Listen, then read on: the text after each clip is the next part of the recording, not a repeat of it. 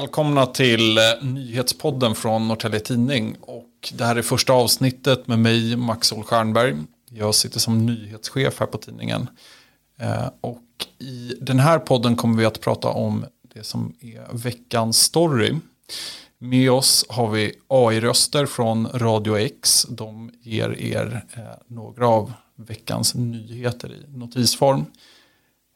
Och Först ut den här veckan har vi händelseutvecklingen som faktiskt drabbat hela världen. Det är nämligen kriget i Ukraina. I söndags lämnade 17 personer krigets Kiev. Gruppen består av funktionsnedsatta barn, deras syskon och vårdnadshavare.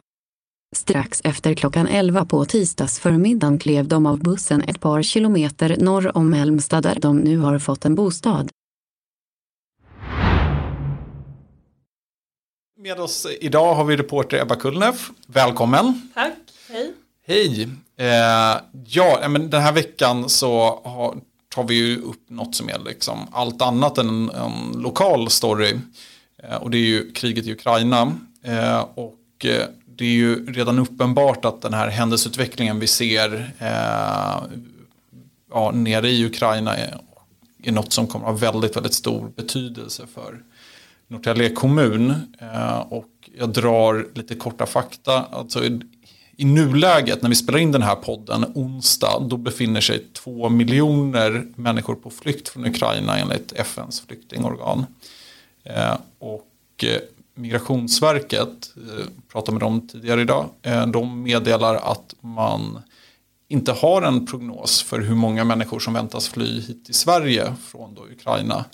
Men att man har aktiverat den högsta beredskapsnivån som det heter då på myndighetssvenska.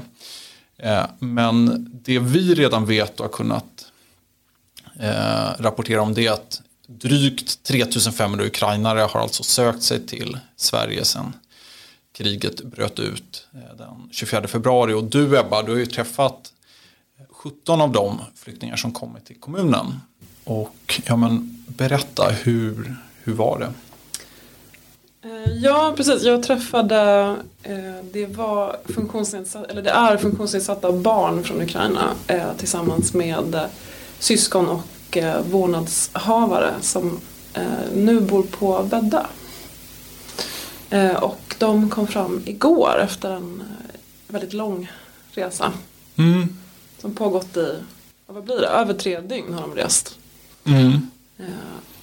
Och möttes där av både både de eh, volontärer som ska liksom, hjälpa dem att komma till rätta här i Sverige eh, och egentligen övriga liksom, grannar och sådär som vill vara där och säga hej och, och välkomna och lämna över extra filtar och nallar och sådär.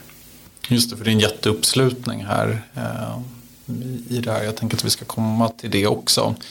Eh, men de här eh, personerna som du mötte, de har ju precis som egentligen hela världen överrumplats av den här väldigt hastiga eh, ja, det här krigsutbrottet som har gått väldigt, väldigt fort. Det är ju express, eh, experter som har siat om att det eh, inte skulle bli krig. Men eh, nu står vi här och eh, det är uppenbart att eh, det gått väldigt fort. Alltså vad kunde de här familjerna, vad kunde de berätta om sin flykt? Jag pratade eh, bland annat med en eh, mamma då som heter Natasha Shreptova.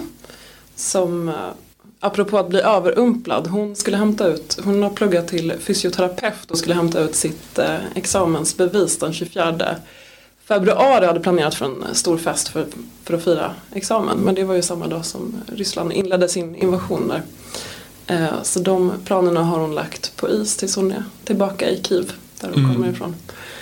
Eh, men hon bor i Kiev tillsammans med eh, sin dotter då som är funktionsnedsatt och eh, dotterns pappa, hennes man. Och fick erbjudande om att lämna Ukraina, att försöka ta sig, göra ett försök att ta sig från, från landet. Det är ju inte säkert för någon egentligen att vara där men har man ett funktionsnedsatt barn som inte kan gå i trappor eller ta sig till ett skyddsrum så blir ju liksom, den risken blir ju ännu större på något sätt. Just det. Um, så de, de eh, lyckades ta sig iväg på lördag morgon var det, tidigt på morgonen åkte de iväg och fick hjälp då att överhuvudtaget komma på tåget. Det tänker man kanske inte på sådär Nej. spontant men det är klart att det är ju det var ju helt, hon berättade, hon berättade att det var liksom helt fullt med människor. Hon var tvungen att få hjälp från, jag uppfattade det som polis egentligen som hade liksom hjälpt henne och andra mammor då eh, att liksom bana väg genom den här folkmassan och kunna ta sig på. Ja. Eh, Det har och- kommit bilder från en del av de här ja, men, tågstationerna längs vägen och det är ju ohyggligt mycket människor. Det är ju svårt att förstå när man talar i liksom, termer av... Man förstår ju det när det är två miljoner som är på flykt. Samtidigt så är det svårt att förstå hur det faktiskt ser ut där. Men ja, ja, berätta vidare. Nej, väl på tåget då så beskrev hon ju den här skräcken för att man hör ju bomberna falla Mm om man är passagerare på ett tåg där det är krig liksom. Så att, eh, framförallt i, alltså, i vissa områden då, vissa städer som de passerar där det har liksom varit eh, eh, skarpa strider egentligen. Där sa hon att hon var väldigt, väldigt rädd. Eh, den här tågresan blev förlängd också för att en del av spåret var bortbombat så att hon var tvungen att ta liksom en åtta timmars omväg egentligen för att komma fram till Polen sen. Men väl i Polen så eh, mötte Hej, Ulf Kristersson här. På många sätt är det en mörk tid vi lever i. Men nu tar vi ett stort steg för att göra Sverige till en tryggare och säkrare plats. Sverige är nu medlem i Nato. En för alla, alla för en. Vi är specialister på det vi gör, precis som du. Därför försäkrar vi på Swedea bara småföretag, som ditt. För oss är små företag alltid större än stora och vår företagsförsäkring anpassar sig helt efter firmans förutsättningar. Gå in på swedea.se företag och jämför själv. dess hon och de här andra mammorna då som nu är på väddar eh, av ett eh, skånskt bussbolag som hade blivit engagerade för att åka dit och eh, hämta dem.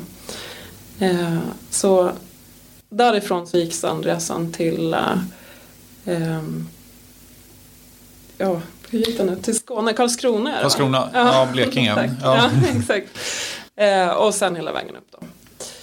Eh, Och jag tänker när, ni, när de kommer då har de alltså varit ute och eh, rest i tre dagar och därutöver så är det ju en chockartad eh, flykt från ja, det som är hem, vänner och under väldigt oerhört knepiga omständigheter. Alltså som journalist så har ju vi ett, men vi har ett ansvar att eh, både att berätta men också att göra det på ett liksom, eh, etiskt eh, sätt. Eh, alltså hur, hur har du navigerat i det eh, som reporter? Jag tänker att det handlar om att ehm, vara väldigt, väldigt försiktig och absolut koppla på liksom de silkeshandskar som finns och försäkra sig om att eh, personer, eh, personer som man pratar med inte gör det av någon slags liksom, eh, tacksamhet till den situationen som de är i. Det var jättemånga som Just det. tryckte stor tacksamhet för, liksom, för den här hjälpen på Vädda. Men att liksom göra tydligt att jag är inte del av, av den hjälpen utan att jag är här som journalist och vill du prata med mig så gör du det såklart helt frivilligt. Mm. Så. Eh, att vara lyhörd såklart för att, för att alla inte vill eller att, så, att det är helt okej att backa. Mm. Men bra. Och eh, vi pratade om det inledningsvis med just det här engagemanget och du, du har ju nämnt eh, ja, men allt ifrån bussbolag till ja, men det som är hänt där ute på Väddö. Men jag tänker, kan du berätta lite om eh, just den, eh, det engagemanget och och eh, eh, ja, de, de här som står bakom Ja, men de, de som såg till helt enkelt att eh, de här flyktingarna faktiskt kommer till ett iordningställt hus på Väddö. Mm. Det här huset, eller gården egentligen, kanske man kan säga för att det är, det är liksom tre boningshus och sen ett extra aktivitetshus. Eh, Det ägs av eh, kooperativet Industrihuset som är ett, eh, Eh, det är ett medlemsägt ehm, kooperativ som eh, har daglig verksamhet och boende för personer med funktionsnedsättningar. Eh, och en av de personerna som jobbade där funderade själv på liksom, vad hon som privatperson kunde göra. Hon har själv en dotter som är funktionsnedsatt och hade väl lätt att sätta sig in i den liksom, situationen som det är att behöva liksom, eh, försöka ta sig ner i ett skyddsrum med rullstol. Eh, och eh, hörde då av sig till en svensk organisation som, som verkar i Kiev. Och kom då i kontakt med organisationen Angel Wings som sagt. Som hade då kontakt med de här personerna som behövde fly. Och det växte. Och eftersom hon då jobbar på Industrihuset så pratade hon med liksom, sina kollegor. Eh, och de äger ett hus som står på Vädda som, man har, som de har köpt för inte så länge sedan tror jag. Eller för ett och ett halvt år sedan är det. Och eh, de har väl tänkt sig att de ska ha någon verksamhet där men, men den har nog mestadels stått tom, alltså mm. den här gården. Så de tänkte väl att där skulle vi faktiskt kunna liksom rusta upp och eh, och när var det här? Jag tänker kriget började, ja. eller krig, kriget har ju pågått sedan 2014 men, men, men liksom den eh, nya våg av invasionsvåg från Ryssland gentemot Ukraina den såg vi den 24 februari. Mm. När började de göra det här? Tänker jag, det är ja, rätt stort ja, precis. På en vecka egentligen. På måndagen eh, förra veckan så, så, så uh, började de prata om att liksom få hit folk. Tog kontakt med Eh, både med den organisationen och med, pratade ihop sig på Industrihuset. Eh, och på tisdag veckan efter så kom, kom de, den här bussen. Mm. Så det är otroligt snabbt. De har liksom verkligen, eh, verkligen jobbat på och också fått, eh, fått bra hjälp vad jag förstår av liksom, lokala hantverkare som har kunnat komma dit och jobba kvällstid och sådär. Ja, men, väldigt spännande och det här är ju något som vi kommer fortsätta bevaka på eh, tidningen på nyhetsplats. Eh, och Eh, Eh, jättetack Ebba Kullneff. Eh, och eh, ja, till er lyssnare. Hör av er och säg vad ni tycker om innehållet i podden. Och tipsa jättegärna om det ni tycker att vi ska ta upp i tidningen. Stort, stort tack för att ni lyssnar. Under natten mot onsdag blev en bilägare i Närtuna rånad på sin bil. Det var vid tvåtiden som två okända personer dök upp vid en bostad i Närtuna, söder om Gottröra. En eller båda männen ska ha varit beväpnad med en yxa. Genom hot om misshandel tvingade männen bilägaren att lämna över nycklarna till sin Volvo V70. De lämnade sedan platsen i bilen. Ingen är gripen i ärendet. Regionen vill göra Norrtälje till ny slutstation på nord-sydlinjen. Linjen går i nuläget från Nynäshamn till Arholma. Men nu undersöker trafikförvaltningen möjligheten att byta Arholma mot Norrtälje som ändhållplats. Besked om hur det blir ges senast i mitten av april. Diskrimineringsombudsmannen har startat en utredning om vårdbolaget 1000.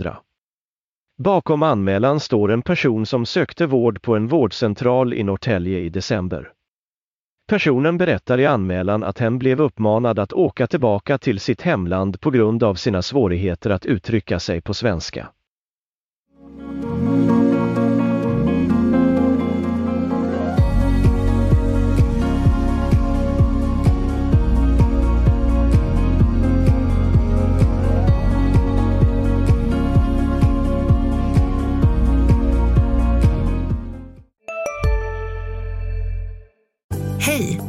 Synoptik här. Hos oss får du hjälp med att ta hand om din ögonhälsa. Med vår synundersökning kan vi upptäcka både synförändringar och tecken på vanliga ögonsjukdomar. Boka tid på synoptik.se. Hej, Susanne Axel här. När du gör som jag och listar dig på en av Krys vårdcentraler får du en fast läkarkontakt som kan din sjukdomshistoria. Du får träffa erfarna specialister, tillgång till lättakuten och så kan du chatta med vårdpersonalen. Så gör ditt viktigaste val idag, lista dig hos Kry.